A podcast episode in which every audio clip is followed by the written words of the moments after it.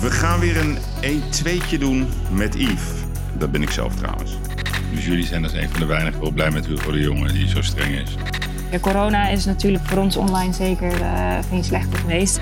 De womanizer, de Wii Vibe, de flashlight, balletjes, Rabbit of Tarzan. Wat, wat is dat allemaal? Het gaat om de illusie. Je verkoopt een illusie.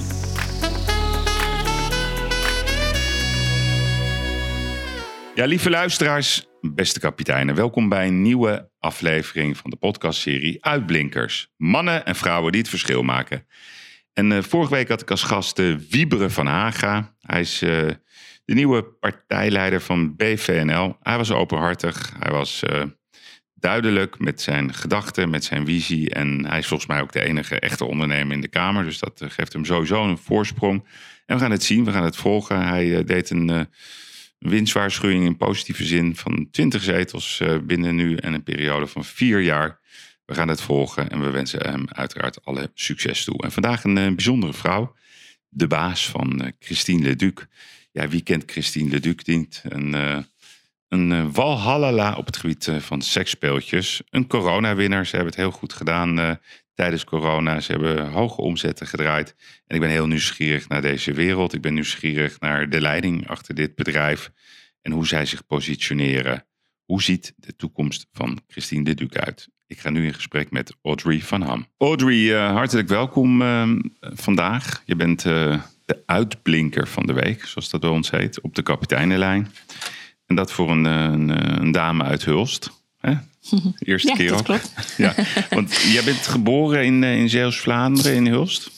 Ja, dat klopt. Uh, ja, ongeveer 43, ja, ondertussen 43 jaar geleden, dat klopt. En uh, geboren en getogen uh, Zeeuws, Zeeuws-Vlaams, dat klopt. En hoe, hoe, waren jouw jeugdjaren daar in het mooie Zeeuws-Vlaanderen? Ja, heel uh, mooi eigenlijk. Uh, onbezonnen en onbezorgd. Uh, hele leuke jeugd gehad. En ehm, ja, veel vrienden, vriendinnetjes. Een leuke schoolomgeving. hardwerkende ouders die aan de grens met België een douaneagentschap hadden. En een vrachtwagenbedrijf, dus logistiek. Mm. Dus altijd aan het werk, maar wel ook altijd toch samen om te eten en te doen. Dus ja, een mooie basis. En, en, qua achtergrond, wat, wat, heb je een bepaalde studie gedaan? Of ja, ik ben uh, na de middelbare school eerst naar Amerika gegaan. En dan heb ik retailing en fashion merchandising als vak gekozen. Dat kende ik eigenlijk niet. En dat bleek eens in Nederland ook te hebben bij TMO, textiel managementopleiding. In Doorn zit dat. Het zit er nog steeds. Mm. En dat, daar heb ik eigenlijk de textielkant uh, gekozen natuurlijk. En daarna heb ik bedrijfskunde gedaan in Amsterdam. Ja, ja. Waar? Bij, op de HO? Of? Uh, Hogeschool uh, van Amsterdam was destijds. Ja, ja, ja. ja. En, en ik begreep dat je, bent, ja, je, je carrière ben je begonnen bij Neckerman, postorderbedrijf. Ja, inderdaad, dat klopt. Ja, ze hadden toen uh, al een deel online verkoop. Dat was helemaal de start van online verkoop, zullen we zeggen. En uh, ja, daar heb ik een deel uh, natuurlijk inkoop gedaan voor handdoekjes en dekbedovertrekjes. Ja. dus een hele andere business. En dan uh, uiteindelijk daardoor de basis gehad voor, qua inkoop. En dan door naar Pabo destijds voor lingerie inkoop. Ja, want hoe ben je daar terecht gekomen bij Pabo? Dat was 2005, ja. hè, volgens mij. Ja, dat klopt. Ja, er stond een vacature in de krant. En dat is natuurlijk bij ons was de Pabo een hele grote werkgever, zoals Neckerman ook was in de regio. Uh, en dat was de vacature voor lingerie-inkoop. Um, dus ja, mijn, uh, mijn oma destijds wees me erop. En die stond in de krant en ze zei: Goh, is dat niks voor jou? en zo ben ik gaan solliciteren en ben ik aangenomen. Ja, ja. En, en hoe, hoe is dan het avontuur zeg maar, ontstaan dat je zeg maar, vanuit, vanuit je achtergrond bij Neckerman kom je bij Pabo terecht? En op een gegeven moment uh, werd je direct, director category management bij Christine Leduc.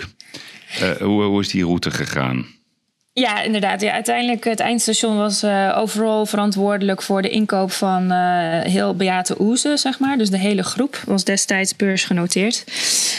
Um, dus ik kwam vanuit Pabo inkoop lingerie. Toen ben ik uh, doorgegroeid naar Pabo inkoop overal verantwoordelijke. En daarna werd die slag gemaakt naar um, het beursgenoteerde Beate Oeze. Dus werden we allemaal centraal ingezet qua inkoop.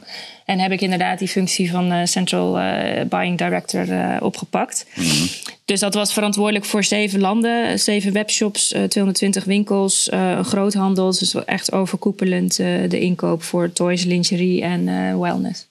Ja, want even, even over de toys, hè? Toys en dan even die lingerie. Hoe, hoe, wat, hoe, hoe, ja, hoe moet ik het zeggen? Hoe, hoe kan je nou een goede inkoper worden? Wat voor gevoel moet je dan met de markt hebben? Hoe doe je dat? Hoe, hoe deed jij dat?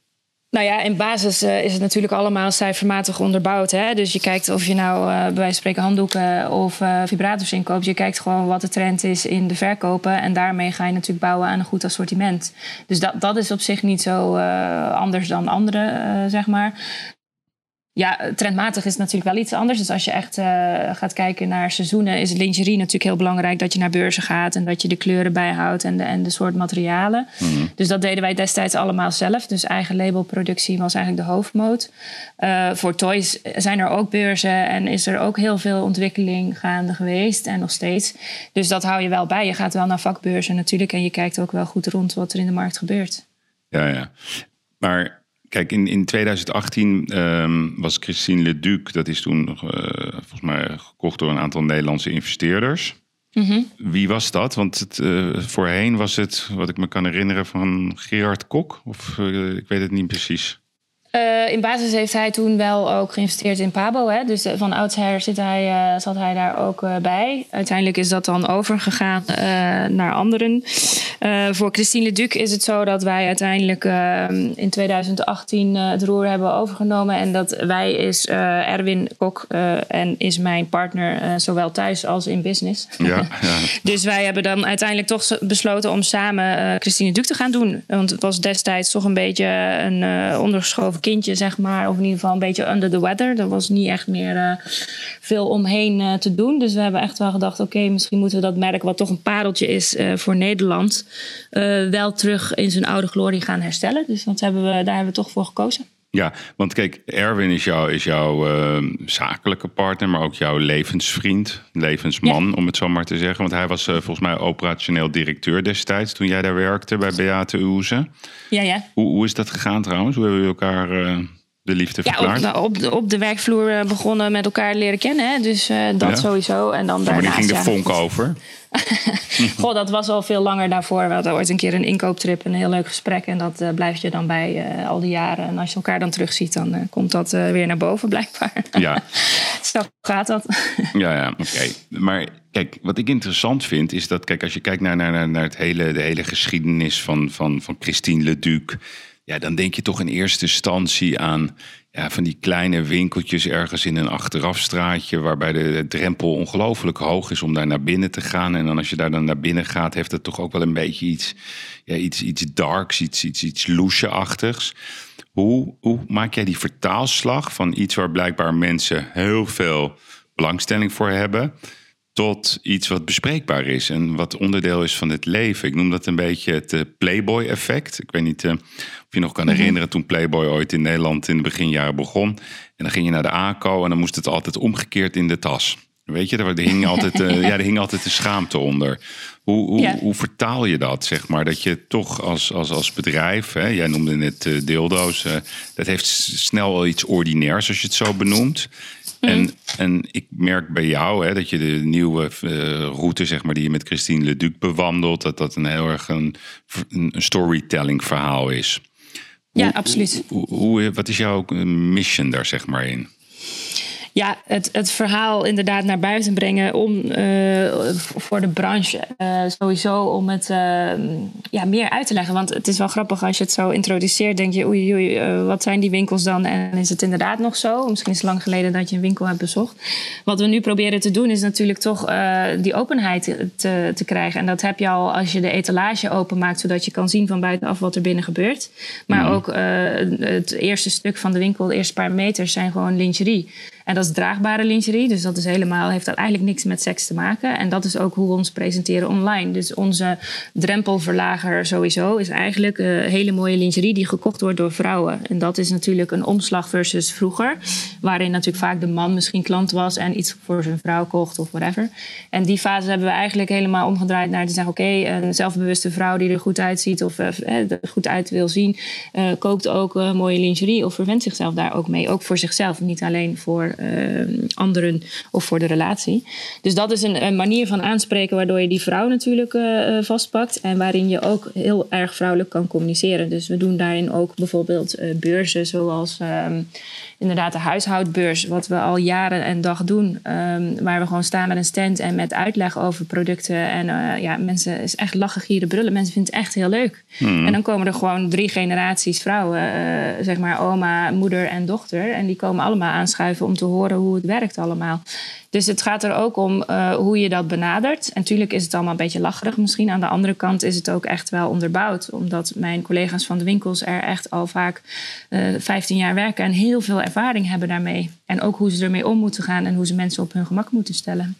Maar eh, kijk, jij bent nu verantwoordelijk, hè? want uh, als, ik, ik heb hier wat, wat, wat, wat background gekregen over jullie bedrijf. Begin 2015 hadden jullie geloof ik in Nederland 31 winkels hè, door het hele land heen. En op een gegeven moment is besloten om een aantal winkels te sluiten. Ja. Um, en er zijn een aantal winkels overgebleven. En Vorige week hadden wij in de podcast um, Ronald Kaan. En, die, en die, die, ik weet niet of je die kent, maar dat is natuurlijk een, ja, ja. echte retailman. En die zegt, ja, we gaan nu echt toe aan kliks en bricks tijdperk. En wat hij daar eigenlijk mee bedoelt is, ja, uh, winkels, dat blijft altijd relevant. Mensen willen daar inspiratie op doen. En dan een beetje thuis op het internet uh, dan de bestelling zelf uh, maken. Dus zie jij dat ook zo, dat we naar een kliks en bricks tijdperk gaan? Ja, absoluut. Uh, zeker. En voor ons als Christine Leduc uh, uh, zijn we ook anders misschien dan de rest van onze concurrentie, omdat we juist die fysieke touchpoints hebben.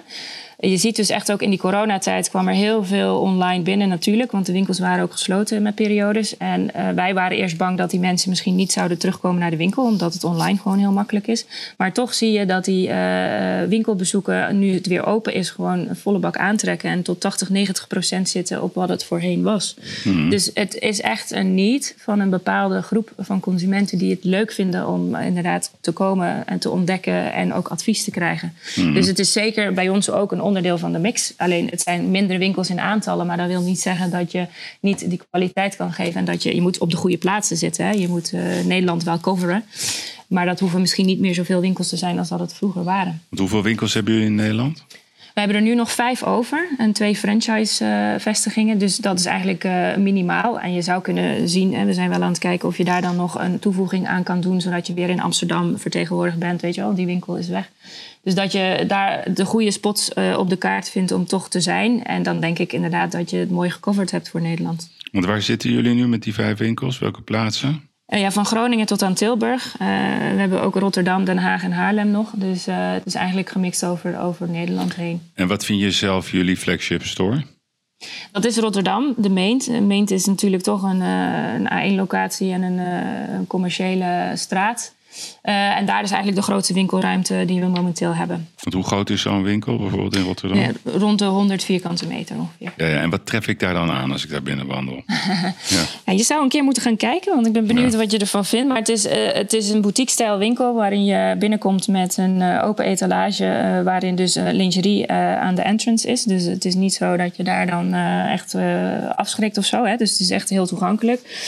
Mm. plus daarnaast, um, ja, je vindt er onze uh, toylijn sowieso van Christine Duc natuurlijk. Dus naarmate je verder de winkel inkomt, uh, wordt het iets zeg maar harder qua assortiment. Mm. En we hebben dan achterin het stuk echt bondage en dat soort dingen. En dat is meer achter een klein gordijntje, dat je toch even een, een, een balans daarin houdt. Want niet iedereen is gelijk ready voor het hele verhaal. Mm. Dus zo, zo bouwen we hem eigenlijk op. Ja, ja. Ik, ik, zou, ik zou, als ik zelf dan een beetje voorstelling zou maken, wat ik zou willen verwachten, is een beetje een soort boudoir-achtige omgeving. Uh, waarin het gewoon spannend is om daar, daar binnen te zijn. Een soort ja, wereld van fantasie eigenlijk. Dat, dat lijkt me waar, waar ik in terecht zou willen komen. En dat je daar ook allerlei mooie producten zou kunnen kopen. Ja. Of, of is het heel erg kort door de bocht? Nee, we proberen wel. Uh, de mensen bij ons staan bijvoorbeeld uh, niet af te rekenen achter een kassa. Dus natuurlijk is er een kassa. Maar de bedoeling is echt om via tafels met producten die uitgestald staan. Ja, ja. Nu, na corona een beetje lastig. Maar dat je daarin begeleid wordt en, en dat je dingen kan vasthouden en, en kan ervaren. Dus je wordt daar echt in meegenomen. Dus dat is echt een heel proces. Want niet iedereen weet wat hij wil hebben natuurlijk. Dus je wil inderdaad ook daarin een soort guidance van oké, okay, ik wil die richting op of ik zoek dat. En plus daarnaast is er ook wel een, een soort showroom van alle uh, Christine Duc uh, eigen labelartikelen die we hebben. Waardoor je dus echt in de wereld van Christine Duc wel meegenomen wordt. En natuurlijk is er altijd meer uh, plaats nodig voor beleving en voor echt meer die, die sprookjessfeer, zou ik zeggen. En daar, daar, daar is zeker nog een slag te maken. Dus als je echt naar een experience store wil, dan moet je daarin ook echt wel investeren, denk ik, nog verder. Mm. Want als jij kijkt, hè, als ik denk aan een doorbraak, dan moet ik altijd denken aan dat boek uh, 50 tinten grijs. Hè? Dat, ja. Het grappigste van dat verhaal vind ik nog als je, als je ziet wie die vrouw was die dat geschreven had. En je, je had daar dan een, een bepaalde voorstelling van, van een ongelofelijke aantrekkelijke vrouw die, die de meest waanzinnige ideeën had. Maar dat was gewoon een, ja, een moeder ergens, eh, geloof ik, in Australië, die, die de fantasieprikkel gewoon heel goed begreep. Maar het bewijs dat het, dat het een enorme markt is, dat is eigenlijk wel volgens mij uh, getoond met de enorme hoeveelheid uh, boeken die er wereldwijd over de plank heen zijn gegaan. Die ja. schaamt hè, om, om hier mm -hmm.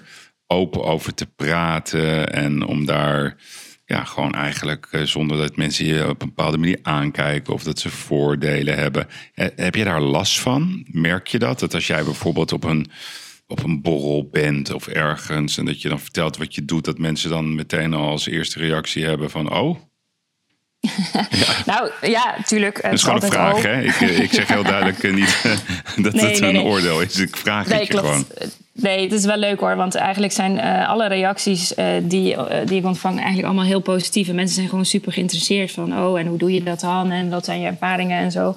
Dus dat is, dat is niet meer van... oh, hoezo zit je in die hoek? En, en ik denk ook al mijn collega's van mijn hele carrière... die al, altijd in die business hebben gezeten... het is gewoon een normale business met normale mensen. Dus in die zin heb ik wel gewend dat daar vragen over gesteld worden. Maar natuurlijk, het is altijd wel hilarisch om daarover te praten. Nu is het ook zo natuurlijk dat het personeel of de mensen die bij ons werken heel erg getraind zijn en ook echt die workshops geven en inhoudelijk daar natuurlijk heel veel weten.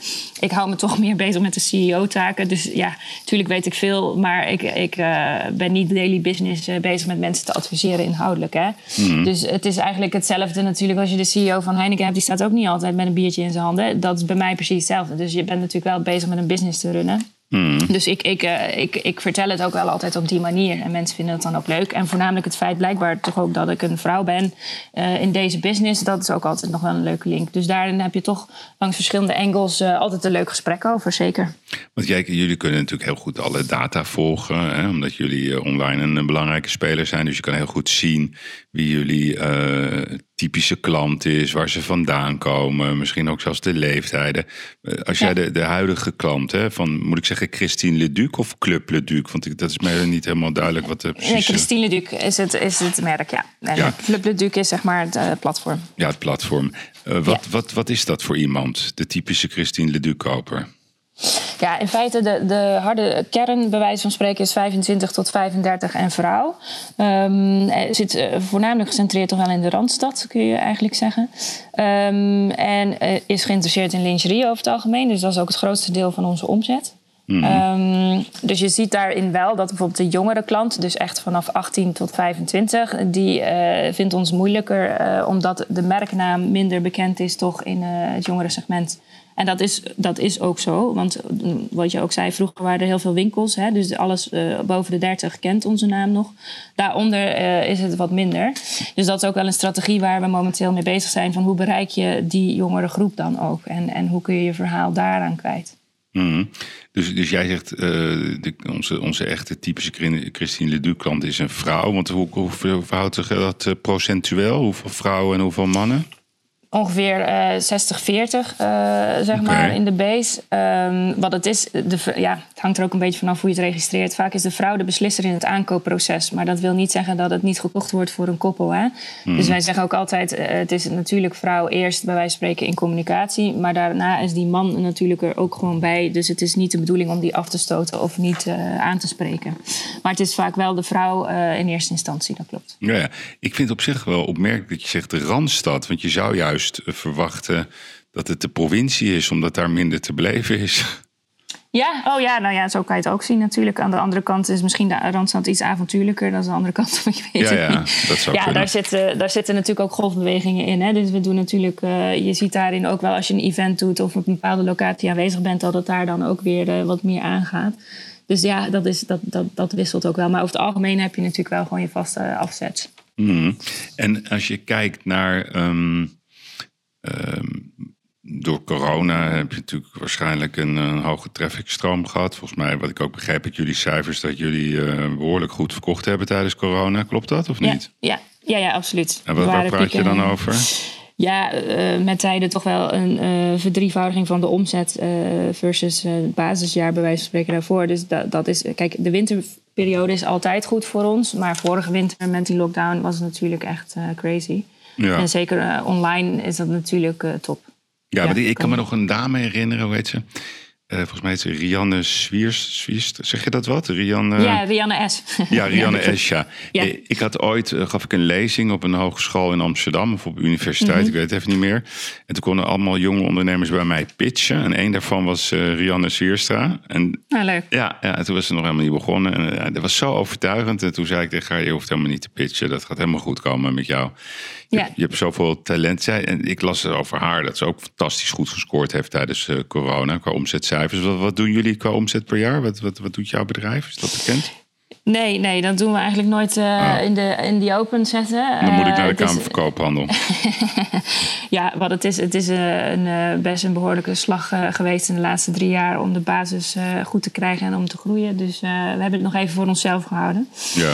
Maar um, nee, ja, het is gewoon een goede basis geweest. Zeker corona is natuurlijk voor ons online zeker geen slechte geweest. En je ziet ook dat mensen toch de weg vinden, ondanks dat ze thuis zitten en inderdaad zich vervelen. Mm. Oh ja, heeft het met verveling te maken ook? Ja, we hebben een enquête gedaan en daarin zie je toch wel dat mensen zoiets hebben van oké, ja en nu? Want uh, er was natuurlijk inderdaad misschien best wel maar wat centjes over. Alleen er was geen vakantie uh, te spenderen, bij wijze van spreken geen horeca te bezoeken. Dus ja, dan ga je toch op zoek naar iets anders triggerends waarschijnlijk. Mm-hmm. Ja, en daar zit onze branche natuurlijk uh, prima tegenaan. Dus dat hebben we echt wel meegekregen, ja. Dus jullie zijn als een van de weinigen wel blij met Hugo de Jonge die zo streng is? nou, voor online ja, maar voor retail was het natuurlijk een ander verhaal. Hè? Dus het is altijd nog wel één bedrijf natuurlijk. Dus uh, het was niet makkelijk. Kijk, en dan kijk ik naar jullie bestsellerlijst. En dan kom ik uh, op hele spannende namen als de uh, Womanizer, de We Vibe, de Flashlight, Balletjes, mm. Rabbit of Tarzan. Wat, wat is dat allemaal? Goh, nou, zou eens een cursus uh, leren het toy-assortiment kennen moeten doen. Die hebben we ook hoor, een workshop. Mhm. Maar um, ja, dat zijn eigenlijk wel de nieuwste uh, toys uh, op het gebied man-vrouw. De flashlight is echt voor de man. Mm. vrouw is natuurlijk de luchtdruk toys die je noemde. Dus Womanizer is een luchtdruk vibrator. Dat is van de laatste jaren echt dus een nieuwe techniek. Werkt echt op luchtdrukvibratie en is eigenlijk gewoon, zoals je kan zeggen, een orgasmekanon mm. voor een vrouw. Dus daar is echt wel ook een um, garantie voor het, het orgasme krijgen. Hmm. Dus dat is uh, echt een nieuwe ontwikkeling die, die de markt ook weer heeft geboost naar een meer mainstream kant ook wel, vind ik. Omdat het artikel is, uh, dat ziet er niet uit als een vibrator. Het heeft ook geen aparte rare kleur of zo. Het, is gewoon, het ziet er gewoon heel mooi uit. Dus um, dat is echt wel de next generation voor Love Toys. En, en spreekt ook dus een nieuwe groep aan, denk ik, van jongere dames die, die daar ook in geïnteresseerd zijn. Ja, en je zei net, um, ja, weet je, de, de baas van Heineken die hoeft niet altijd een biertje te drinken. Maar de, de, de baas van Heineken die probeert natuurlijk wel al zijn biertjes te begrijpen. Is het ook zo dat de CEO van Christine Leduc, Audrey in dit geval, alle producten ook zelf moet ervaren om ze te begrijpen?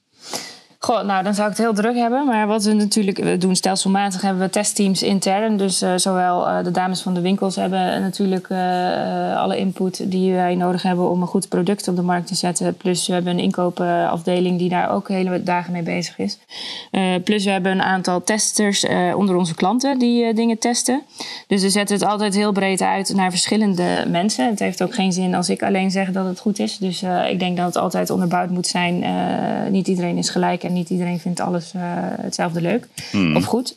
Dus we hebben daar absoluut een professionele uh, kijk op. En dat moeten we ook doen, denk ik, om mensen ja, tevreden te houden. Ja, nee, maar ik bedoel het meer. Kijk, het, is, het, zijn natuurlijk in de basis best wel, best wel hele persoonlijke vragen die ik stel op deze manier. Maar dat is nou eenmaal het bedrijf wat je vertegenwoordigt. Dus ja, ja. daarom, ik zou het fijn vinden om te horen van de CEO van uh, Christine Leduc ja, uh, net zoals ik het fijn vind om soms te luisteren naar de CEO van een groot wijnmerk, waarom die Bourgogne zo fantastisch is. Die legt mij dat dan uit en denk van, oh, oké, ja, dat wil ik ook wel een keer proberen.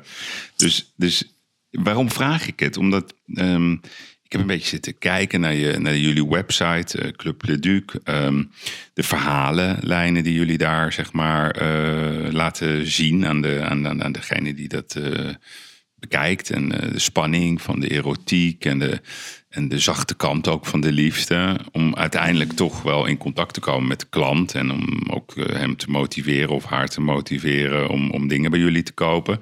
Ja, dan, dan ontstaat er bij mij zo'n gevoel. Nou, ik ben wel benieuwd hoe die CEO uh, naar haar bedrijf kijkt. En hoe zij naar haar producten kijkt. En waarom dat zo uh, aantrekkelijk is en waarom dat zo bijzonder is. dus niet dat je tegen mij praat over pakken melk en, uh, en kratjes bier en weet ik veel wat. Dat het niet alleen een bedrijf is, maar het is natuurlijk ook een belevingsreis wat jullie neerzetten. Ja, absoluut. En dat moet het ook zijn. Dus wat ik je net uitlegde over de womanizer en hoe die functioneert, is één. Maar twee is natuurlijk ook uh, het stuk lingerie. Als je kijkt naar fotoshoots en welke modellen gebruik je, hoe zet je het neer? Uh, laat je mensen pornografisch kijken in de camera? Of doe je juist de girl next door, waar iedereen zich mee kan identificeren? Dus alles wat we doen in alle uitingen wordt zeer goed doorgesproken en bekeken. En eigenlijk door het team van vrouwen. En daar zit ik in natuurlijk. Dus ik heb daar een relatief uitgesproken mening over. Over hoe ik vind dat Christine natuurlijk uh, eruit moet zien en, en uh, waar het aan moet voldoen. Maar dat toetsen we wel elke keer. En wat ik zeg, die groep onder de 25 kijkt daar heel anders naar dan uh, 40-plus groep waar ik in zit. Dus het is toch altijd uh, een afweging uh, hoe je dat soort dingen neerzet. Alleen ik vind wel, en dan hoop ik dat jij dat ook herkent, dat Christine natuurlijk een bepaalde allure en een bepaalde uitstraling heeft. En waar je inderdaad wordt meegenomen in de storytelling. Dus als dat zo overkomt, is dat wel ook wat de bedoeling is. Ja. Natuurlijk heb ik daar een kijk op, hè, maar ik zeg het, ik vind het wel waardevol om ook te vragen aan het meisje van 22 van Nee, ja, hoe zie jij dat? En, ja, begrijp ik. Maar kijk, ik, wat ik, waar ik, ik zou je vertellen waar ik onder de indruk van was. Ik, ik, um, ik zat jouw website te bekijken en toen dacht ik, hé, hey, die Audrey die begrijpt het. Die begrijpt dat de wereld van erotiek, dat je dat op een hele andere manier moet brengen. Dat is als zeg maar een, zo'n webshop met uh, tarsans en, en dildo's en weet ik veel ja. wat. Alsof het een soort uh, Albert Kuip is. Dus ik vond ja. dat illusionaire, uh, mm -hmm. zoals, je dat, zoals, zoals ik dat terugzag op de website, ja, dacht ik, hé, hey, dat vind ik goed. Want ja, ik denk ook wel aan, aan uh, van, die, van, die, van die winkeltjes, uh, vooral in Amsterdam, zo'n zijstraatje. Ja, dat vond ik nou niet heel opwindend, om het zo maar te zeggen. Dus ik vind dan ook dat, zo, dat een baas van zo'n bedrijf, en uh, misschien dat ik even de brug moet maken naar de wereld van lingerie, zoals Marlies Dekkers dat ontzettend goed deed in haar uh, gouden jaren, toch zichzelf. Mm -hmm. hè? Ook de mooie shows die ze organiseerde en de feesten die ze organiseerde. Victoria's mm -hmm. Secret vind ik dat het uh, toch op een hele slimme manier doet. Terwijl het in de basis echt niet het mooiste lingeriemerk is wat er is. Maar Klopt. hoe ze het neerzetten met al die topmodellen. Ja, dat vind ik branding in het kwadraat. Dus ja. wat ik had toen ik um, uh, jullie website bezocht, dacht ik van hé, hey, hier zit een hele diepe visie achter. Ja. Nou, mooi. Blij dat je dat zo uh, opmerkt. Ja, dat is ook zo. En, en, dat heeft allemaal met budgetten te maken en hoe groot je bent en hoeveel je kan doen. Ja, dat heeft maar niet denk, alleen met budgetten te maken. Dat heeft ook nee, te maken nee, met, met, met, met, met, met, met, brein, met het brein, ja. met het gevoel, met, ja, ja. met de liefde. Ja, ja, absoluut. En ik heb uh, mezelf toch met hart en ziel uh, in, in deze zaak gezet. En ik vind dat ook heel belangrijk. Ik vind het ook echt een maatschappelijke waarde hebben om mensen de fun van seks bij te brengen. Want, vertel eens, wat, waarom vind je dat? Omdat er uh, niet, er is geen education voor. Hè? Je, je leert op de middelbare school alle ellende die seks kan veroorzaken in ziektes en in zwanger worden. Maar er is niemand die zegt, goh, daar zit de clitoris en zo werkt het. Jongens, en zo kan je het zeg maar heel leuk maken voor je partner. Of meisjes, uh, zo, zo uh, voel je je beter als je, als je voor de eerste keer seks hebt. Dus uh, het gaat erom dat je mensen uitlegt hoe leuk het is en hoe goed het is. En dat het ook gezond is voor je well-being om een goed seksleven te hebben. Mm. Dat, dat wordt gewoon volledig overgeslagen. En mensen zijn toch introvert aan één kant, zoeken dingen op op, op internet logisch. zien allerlei porno-tafereelen dat je denkt, oké, okay, zo moet het dan. Dat is niet zo. Dus daar zit nog een hele grote um, effort die we moeten doen met deze branche misschien, maar ook met uh, overal instanties om te kijken van hoe kan je dat nu meer aan, uh, aan het verstand peuteren. Ja, en zou je daar wat over zeggen? Dat zou ik dus nooit met instanties gaan doen. Nee, dat is altijd lastig, dat is wel zo. Maar dat hangt er vanaf, hè? De Rutger Stichting. Je, ja, nee, ja, maar ook dat. Kijk, al die stichtingen er zijn natuurlijk, uh, je kan honderd verslavingen bedenken. En dan ga je met zo'n verslavingstherapeut praten. Die heeft meestal zelf een verslaving.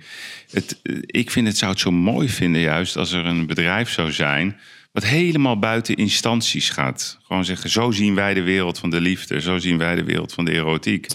Ja, waar, waarom vind je dat je daar instanties bij nodig hebt? Nou, weet je wat het is? Uh, ik heb denk ik uh, ja, een goede. ik, ik, heb denk ik een goede visie over uh, hoe het zou moeten zijn. Alleen, wij zijn een commercieel bedrijf. Altijd is daarin die achtergrond van die erotiek en een link naar, naar porno, zou ik zeggen, of zo. Mm. Dat heeft die branche altijd mee. Hè? Dat is niet dat wij daar constant mee bezig zijn, helemaal niet. Maar daardoor kom je dus niet binnen, niet top of mind. Word je niet serieus genomen soms. En ik vind dat echt hatelijk, omdat er zoveel, er zit heel veel potentie in om dat goed te doen. Maar je wordt toch vaak weggezet als nee, nee, dat is te commercieel. Of nee, nee, uh, het is weer erotiek uh, en de branche pakt maar, het Maar door wie word je dan weggezet? In general, door de media soms, uh, door advertising op social media. Dat, dat, dat kan je bijna niet doen. Je wordt gewoon weggezet als erotiekbedrijf. Dus er is zero tolerance. Hè? 9 van de 10 keer worden posts verwijderd of niet geaccepteerd het is uh, een hele lastige om daar uh, doorheen te komen. Dus bereik die jeugd maar een keer. Hè?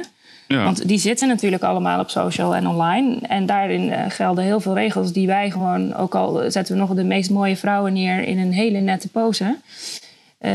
in lingerie waar je niks ziet verder of zo, ja, is gewoon heel lastig.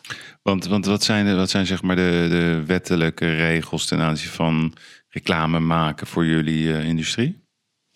Ja, je kan zeggen op tv niet voor acht uur s avonds. Uh, op de radio niet voor zes uur s middags. Uh, mm. Weet je, dat soort dingen krijg je dan. Maar ja, goed, als je dan iets verder door gaat vragen of wat meer budget neerlegt, dan kan het toch. Mm. Dus dat is allemaal een beetje dubbel. En wat daarnaast wel zo is voor social media, is het natuurlijk echt zo dat als ik een vrouw met een mooi decolleté, een mooie BH en wapperende haren neerzet, dan mag het niet. Maar doet een Hunkemuller of een HM dat in de exact dezelfde BH, dan is het prima. Dus het gaat echt uh, om de afzender. En ja, dan kom je, als je dat heel vaak verkeerd doet, kom je gewoon op een blacklist en dan kan je het gewoon op je buik schrijven. Maar is er dan een soort manifest van de reclamecodecommissie wat wel en niet nee. mag? Dat niet is er niet. Niet specifiek, maar het is, het is gewoon. Het is meer dat je wordt afgewezen. Ja, grappig. Ja. Maar, kijk, ik zal je vertellen uh, hoe ik het um, zeg maar in, in, in de jaren heb beleefd. Ik heb zelf heel veel verschillende bladen gehad in het verleden. Uh, ik mhm. organiseer uh, beurzen, nationaal, internationaal. En wij werden best vaak benaderd door um, mensen uit jullie industrie, laat ik het zo zeggen. En toen zei ja. ik altijd: nee, nee, nee, ik, wil, ik wil dat niet. Mm -hmm. En zei ze, maar waarom dan niet, Yves? Want dat is toch gewoon hoort bij het leven. Ik zeg, ja, gewoon de manier hoe we dat doen. En de enige ja, ja. Die, um, die, waar ik ooit iets mee deed, dat was uh, Theo Heuft. Theo Heuft was, uh, die ken je natuurlijk wel, neem ik aan. Die was de baas van Jap Jum in Amsterdam. Ja, meest, mm -hmm. meest, meest beroemde ja, ik weet niet of ik het een seksclub kan noemen, maar in ieder geval, uh, het was mm -hmm. gewoon een, een, mooie club. Totdat het uh, ja, een beetje een ruzie werd tussen allerlei mensen die vonden dat ze eigenaar waren van die club. Dus maar die discussie gaan we niet voeren. Maar Theo begreep als geen ander de wereld van belevenis. Uh, die had een hele duidelijke focus op champagne. Mm. het het merk was gefocust op champagne.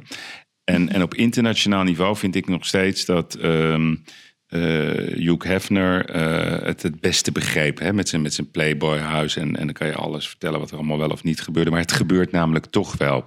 Dus, als, mhm. dus als jij mij zou benaderen van ja, ik wil ook op de master staan.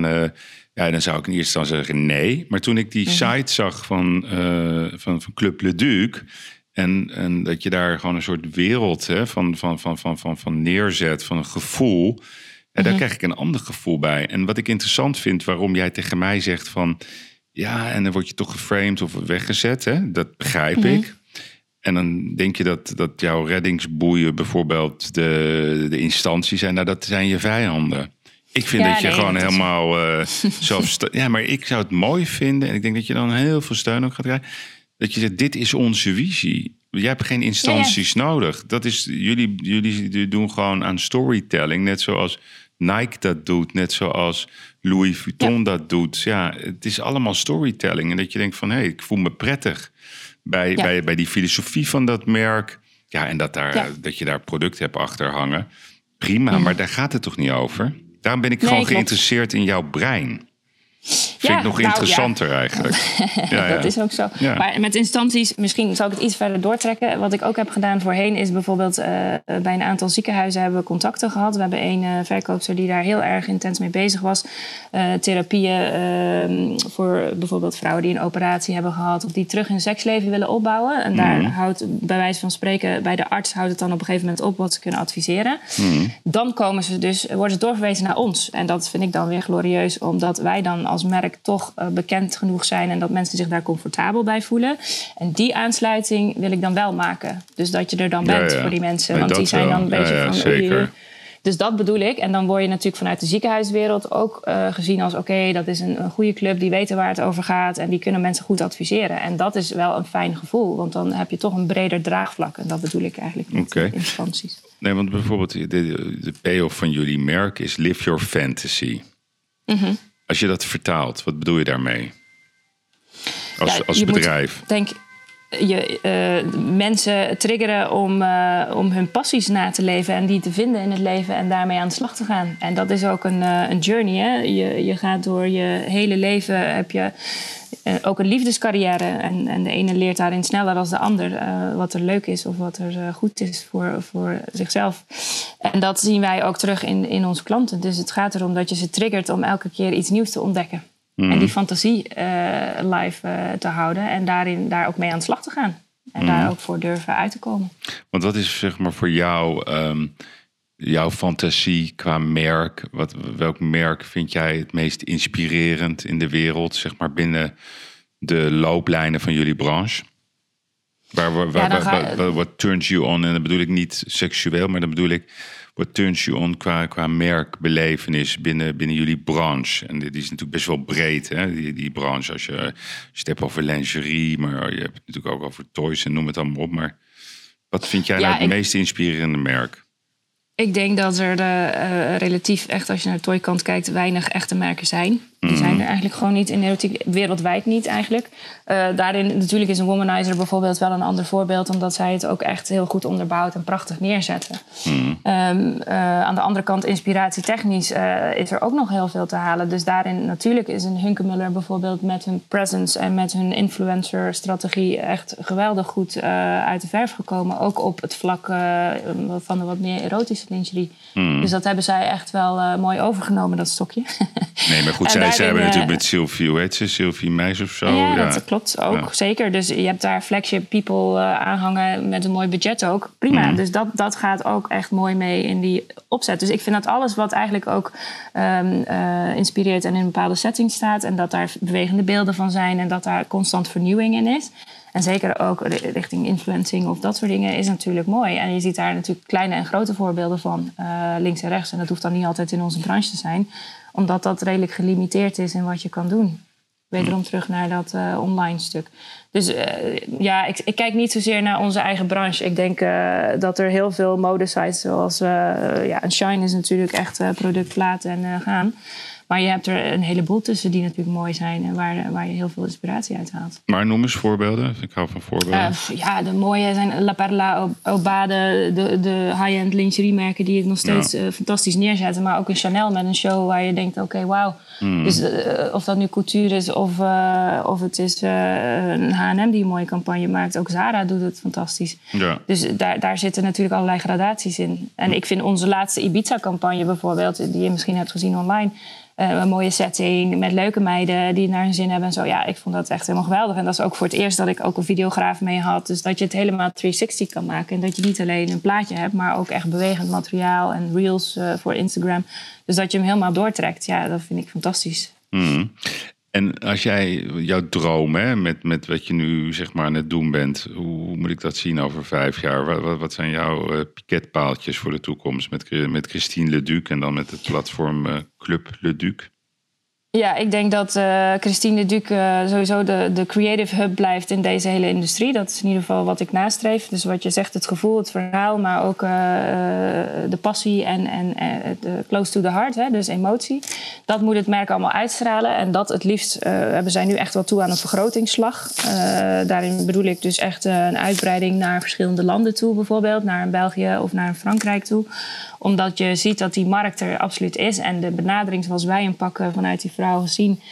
is denk ik, uh, kan een prima plaats krijgen in andere landen ook. Uh, dus echt een vergrotingsslag om het merk uh, nog groter neer te zetten... en nog meer te kunnen doen met die lingerie ook. Dus daar gaan we ook zeker nog slagen maken. Hmm.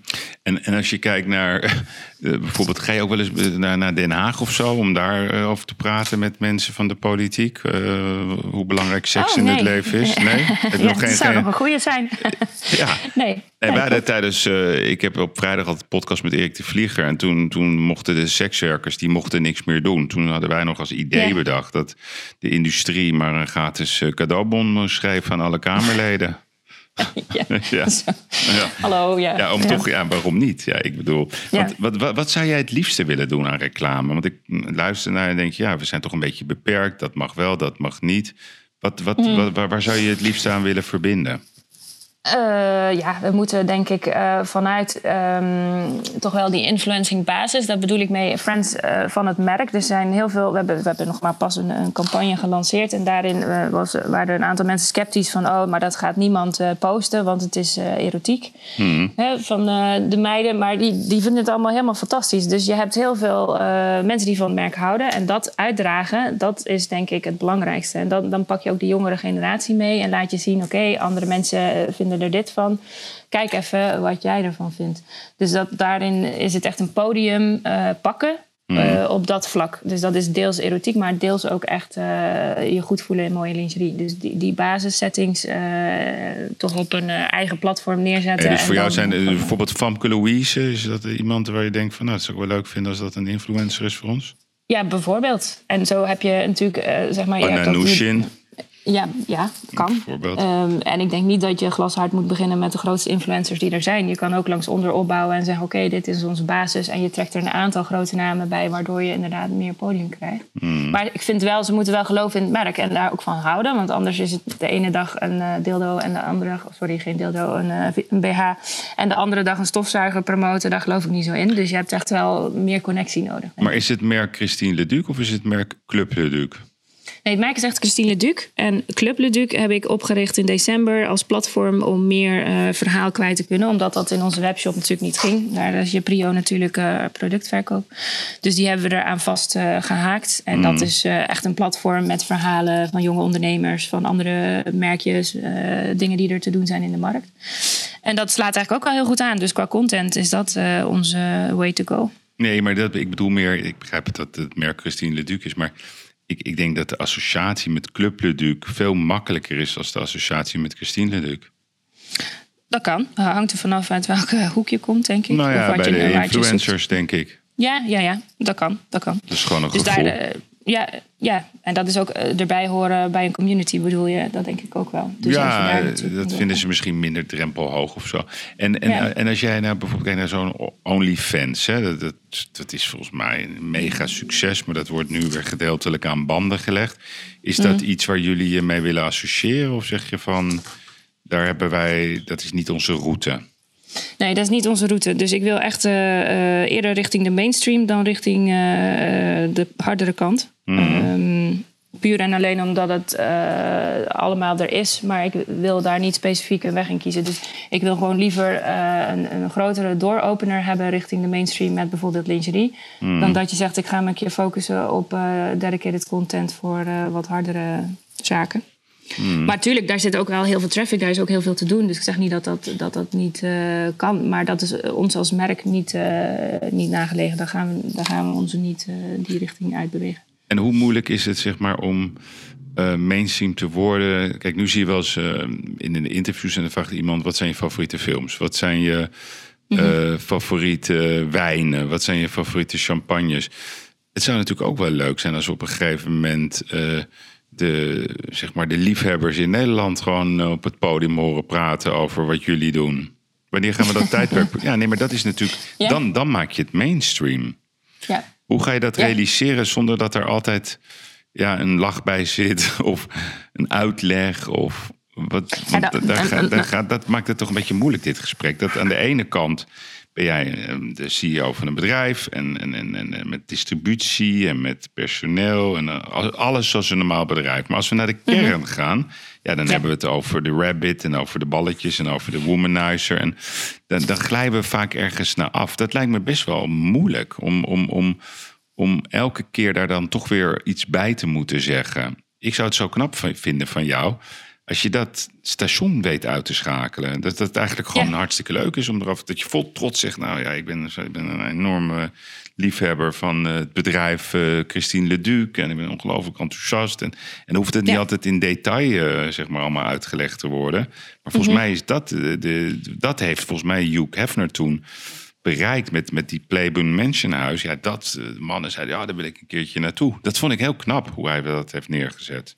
Ja, dat is ook zo, absoluut. Hij heeft echt een merk van gemaakt. Ja, ja dus dat, dat is natuurlijk de, de essentie van het hele verhaal. Dat moet het ook zijn dat klopt. En de vraag is, hoe kom je daar? Kijk, eh, we zitten qua assortiment nu bij Wekamp uh, in het assortiment. We hebben met Ethos samengewerkt. Dus dat zijn allemaal dingen, daardoor maak je het ook alweer zichtbaar en meer mainstream misschien. Maar daar, dat vertelt het verhaal niet, dat klopt. Dus dat storytelling stuk, daar moet je dus weg van uh, iedereen die bepaalt wat er gezegd wordt. Maar je moet gewoon zelf gaan zeggen wat er gezegd moet worden. Dat klopt. Dus, en daar moet je een, een basis voor creëren. En ik denk zeker dat dat op social kan. En dat je daar groter wordt en dat je dat opbouwt. En zo krijg je fans en die gaan het dan vertellen. Dat is de bedoeling. Want ik denk bijvoorbeeld, uh, misschien moeten jullie gewoon een, uh, een store openen in de PC Hoofdstraat. Of, dat kan. Ja, of in de mall. Uh, we hebben inderdaad ook gekeken, de Mall of the Netherlands bijvoorbeeld. Hè? Dus dat is al het feit dat je daar kan zijn als erotiek merk. Dat is al één. En twee is gewoon, dan is het inderdaad ook echt wel een, een branding story. Maar ook daar heb je weer investering voor nodig. Dus het is ook stapsgewijs. Hè. We doen nu uh, stapsgewijs dingen die we uh, kunnen beheren. En, en daarom zeg ik ook, die groei is belangrijk. Dat je dingen kan gaan doen die boven de rest uitstijgen. Mm, ja, want als jij nou zeg maar bezig bent met de campagne in 2022. Mm Wat moet ik dan voor me zien visueel? Uh, absoluut een uh, prikkelende setting met leuke meiden waar uh, een goed verhaal achter hangt. En wat ook terugkomt in de winkels en op beurzen. En ja, waar mensen echt wel met een knipoog kunnen glimlachen als ze voorbij een abri rijden. En zeggen van, oh, die Christine Duke, die snapt het zeg. Ga zo even kijken. Ja, ik moet altijd denken aan, aan Marc Lagrange. Ken je die fotograaf? Ja. Ja, die is helaas overleden. Maar dat was wel een, een, een, vond ik, een fotograaf die heel goed dat begreep. Dat spel van, ja, van de liefde, om het zo maar te, te noemen. Daar denk ik dan aan. Als ik, als ik jullie campagne zou moeten maken, dan zou ik heel erg denken aan de lijn van, van Marc Lagrange. Dan ga je gevoel achterlaten wat, wat zeg maar alles overstijgt. Eigenlijk laat je het, je moet het product volgens mij helemaal niet laten zien. Nee, het is, het is image en het is eigenlijk bijna kunst. Dat klopt. Ja, kunst, ja. Dat is het woord. ja. Ja, er komt een campagne aan die uh, daar vind ik wel naartoe gaan. Dus uh, ja, we doen dat uh, zeker. Dus het zit ook wel ermee in. En aan de andere kant is het gewoon glasharde competitie en moet je ook scherp zijn. Dus het is tweeledig. En met, met, wie, met wie vecht je dan op de markt? Ja, de grote spelers zijn natuurlijk sowieso een Bol en een Amazon. Daar kan je niet omheen. Hè? En dat is ook prijstechnisch. Dus, maar dat zijn natuurlijk bij wijze van spreken plaatje prijs en schuiven met die handel. Plus daarnaast heb je natuurlijk uh, de erotiek uh, webshops die allemaal uh, naast ons opereren, zoals een Willy of een Easy Toys. Dus ik bedoel, het is best druk in dat kleine landje. Hmm. Ehm, dus je moet toch een, uh, bepaalde keuzes maken waar je, gaat, uh, waar je op gaat zitten. Dus voor ons is dat voornamelijk niet uh, op low budget toys voor een knalprijs. Dat, dat wil je niet. Maar is het niet gewoon een idee dat, dat, dat de kern van jullie assortiment gewoon bestaat uit het merk Christine Leduc of Club Leduc, CLD? Moet dat het niet ja. worden? Dat je gewoon het, eigenlijk dat Amazon smeekt of ze jouw producten mogen verkopen. Ja. Is dat niet de route die je moet gaan bewandelen? Want dan, dan word je de baas, denk ik. Je moet de baas zijn van, van het merk en niet, niet de, het gevecht hebben met de infrastructuur. Want je kan toch niet winnen van Bol en Amazon.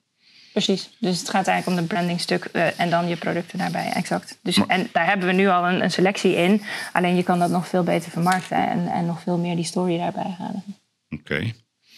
En wie zou jij het liefste, uh, zeg maar, uh, graag aan je willen verbinden? Welke namen?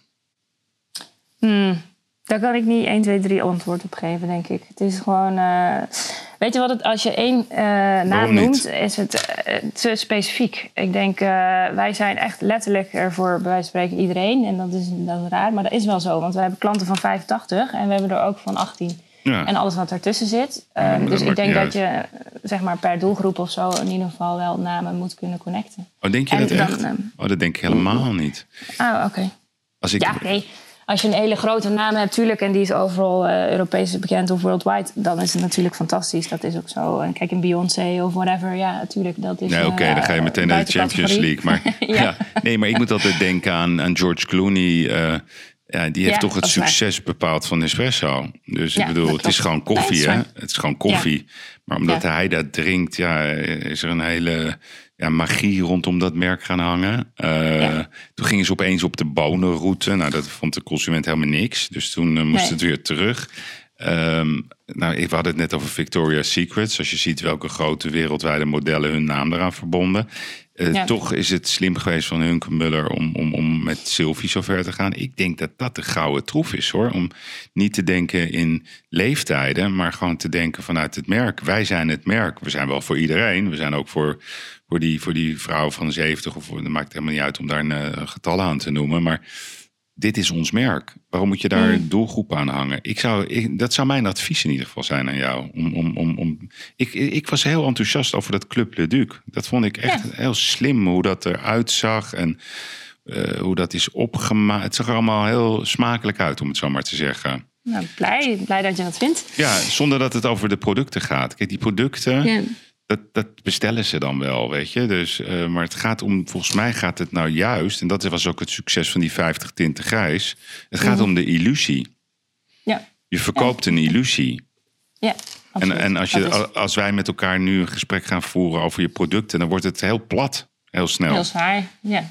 Zwaar ook zelfs, ja. ja. Maar vind jij dat, ook? ook of, of, of, of, of, of... Jawel, ja, absoluut. Alleen uh, wat ik zie in de markt gebeuren... is toch uh, dat je als bedrijf uh, aan heel veel dingen moet voldoen om het goed te doen. Dus als jij lingerie presenteert... dan heb je natuurlijk een, een zwaarder model nodig... die ook de grotere maten aanspreekt. En dat vind ik ook heel goed. Mm. Maar daarnaast heb je natuurlijk ook een, een afspiegeling van de maatschappij nodig... in diversiteit. Dus dat is vaak zo. Wij doen een fotoshoot met een donker meisje... en een, een, een, een zeg maar twee donkere meiden, zou ik het even zo zeggen, qua haar. En dan komt de reactie, ja, uh, hoezo heb je geen blond model gefotografeerd? Of uh, het is inderdaad te zwaar of te licht of whatever. Dus het is altijd best wel veel. Je staat echt ook op een weegschaal tegenwoordig. Ja, dat maar dat kan je prima. toch gewoon zeggen omdat wij dit... Nee, maar dat is, dat is nee, maar dat vind ik onzin. Dat, zijn, dat is woke. Dat is gelul. Dus als iemand ja. vraagt, ja, dat is omdat ze, wij zien ons merk zo. Dan hoef je toch. Eh, dat klopt. Ja, maar het lijkt wel of, of je in een permanent verdedigingssysteem zit. Dat is omdat jij dat zo ziet. Daarom vond ik het zo interessant aan het begin van het gesprek dat ik, ik wil graag van die CEO horen. Ja, dit, dit, is, dit zijn onze kernwaarden. Hier sta ik voor, hier geloof ik in.